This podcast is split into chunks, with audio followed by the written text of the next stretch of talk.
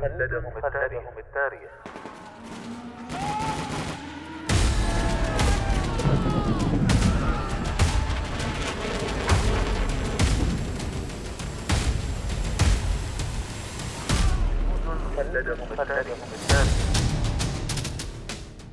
كم يفخر التاريخ العسكري برجال كتبوا سيرهم في سجلاته بحروف من الجهد والتضحية والعطاء. فبقت أسماؤهم خالدة باقية مثالا لمعنى الجندية التي دبت خطواتها كل شبر من أرض الوطن. جنود خلدهم التاريخ. برنامج أسبوعي نتعرف من خلاله على الجنود الذين ضحوا بحياتهم من أجل أوطانهم. يعده الدكتور هلال بن سعيد الحجري ويقدمه الرائد الركن. محمد بن سعيد المشيخي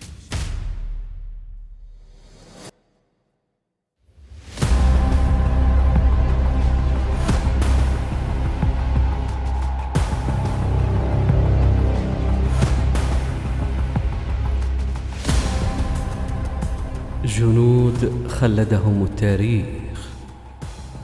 شيوتشي يوكوي.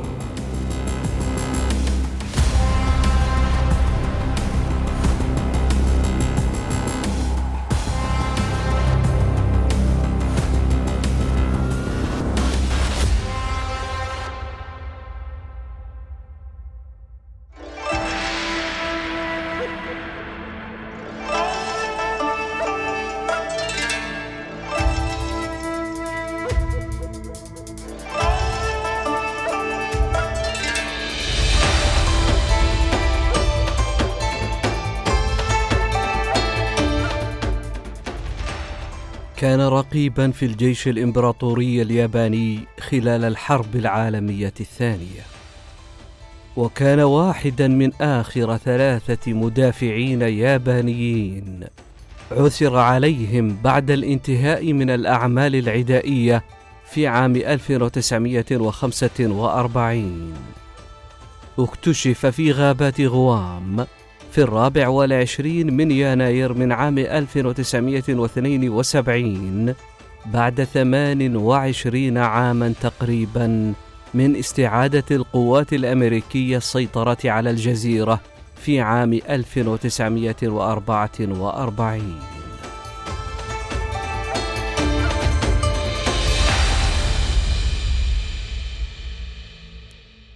ولد يوكوي في ساوري بمحافظة آيتشي في اليابان. كان خياطا متدربا عندما تم تجنيده في عام 1941. في البداية خدم يوكوي مع فرقة المشاة التاسعة والعشرين في مانشوكو وفي عام 1943 نقل إلى الفوج 38 في جزر ماريانا. ووصل إلى جزيرة غوام في شهر فبراير من عام 1943 عندما استولت القوات الأمريكية على الجزيرة في معركة غوام في عام 1944 اختبأ يوكوي مع تسعة جنود يابانيين آخرين. رحل سبعة من العشرة الأصليين في النهاية وبقي ثلاثة فقط في المنطقة. انفصل هؤلاء الرجال لكنهم زاروا بعضهم البعض بشكل دوري. حتى حوالي عام 1964 حين مات الآخران في فيضان اجتاح اليابان على مدى ثمانية أعوام عاش يوكوي بمفرده.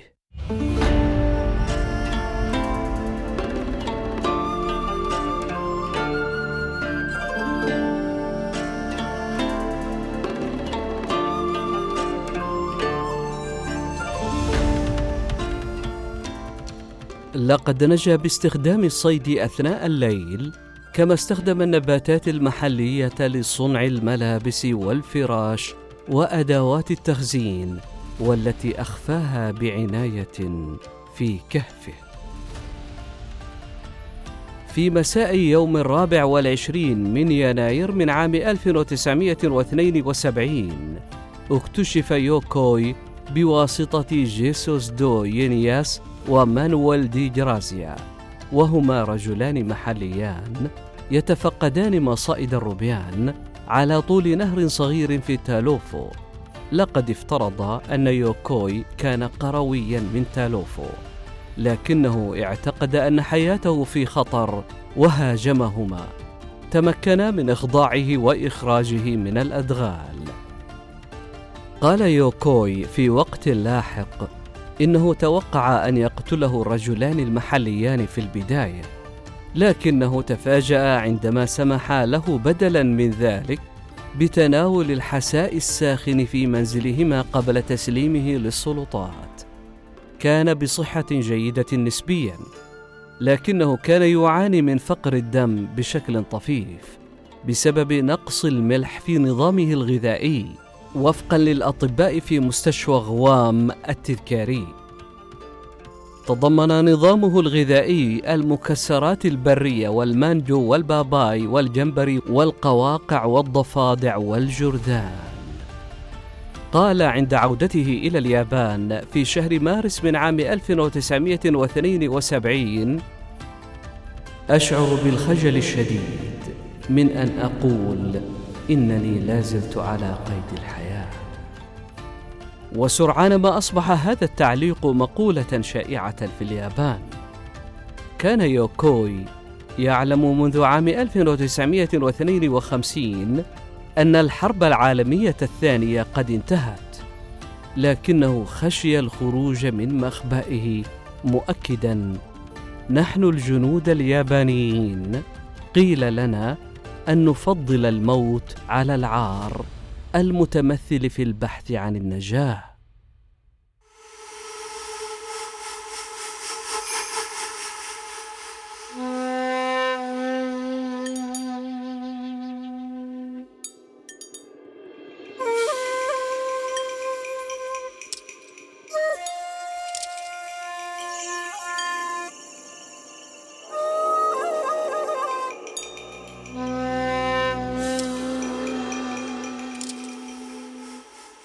كان يوكوي أحد آخر ثلاثة جنود يابانيين تم اكتشافهم.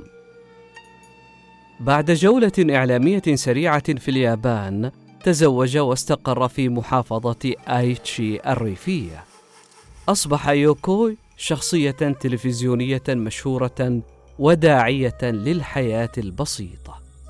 ظهر في عام 1977 في فيلم وثائقي بعنوان يوكوي وثمانية وعشرون عاما من الحياة السرية في جزيرة غوام. حصل في النهاية على ما يعادل 300 دولار أمريكي من مكافأة نهاية الخدمة ومعاشا تقاعديا صغيرا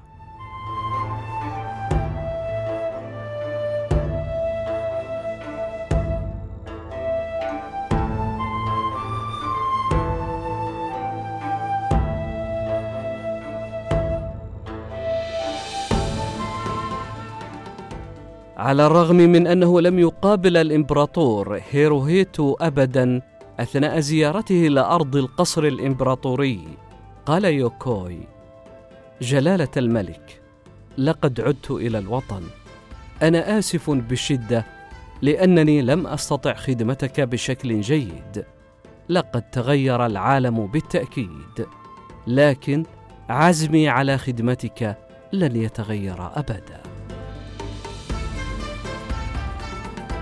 توفي يوكوي في عام 1977 بنوبة قلبية عن عمر يناهز 82 عاما.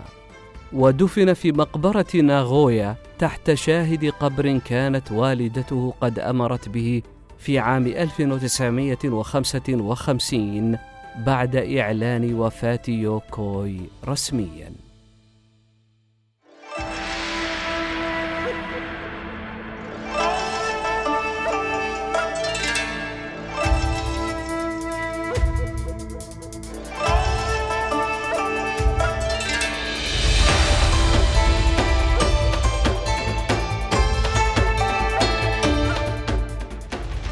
في عام 1973 أعاد مكتب الإغاثة التابع لوزارة الصحة والرعاية ممتلكات شويتشي يوكوي الخاصة وتبرع بها لمدينة ناغويا في نفس اليوم.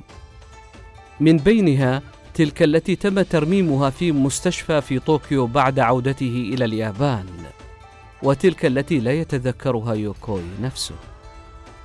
كانت حياة يوكوي في غوام حياة اكتشاف الموارد وخلق الأشياء الضرورية للحياة من لا شيء. افتتحت قاعة شويتشي يوكوي التذكارية في عام 2006 في ناكاجاوا كو في ناغويا والدخول إلى المتحف مجاني. وهكذا أصبح يوكوي من الجنود. الذين خلدهم التاريخ. جنود خلدهم التاريخ.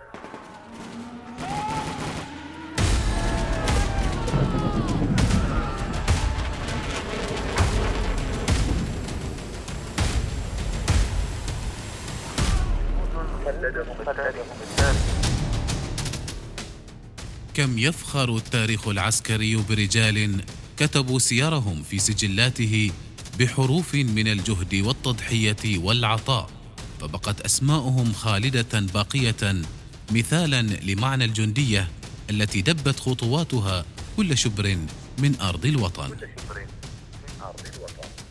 جنود خلدهم التاريخ. برنامج أسبوعي نتعرف من خلاله على الجنود الذين ضحوا بحياتهم من أجل أوطانهم.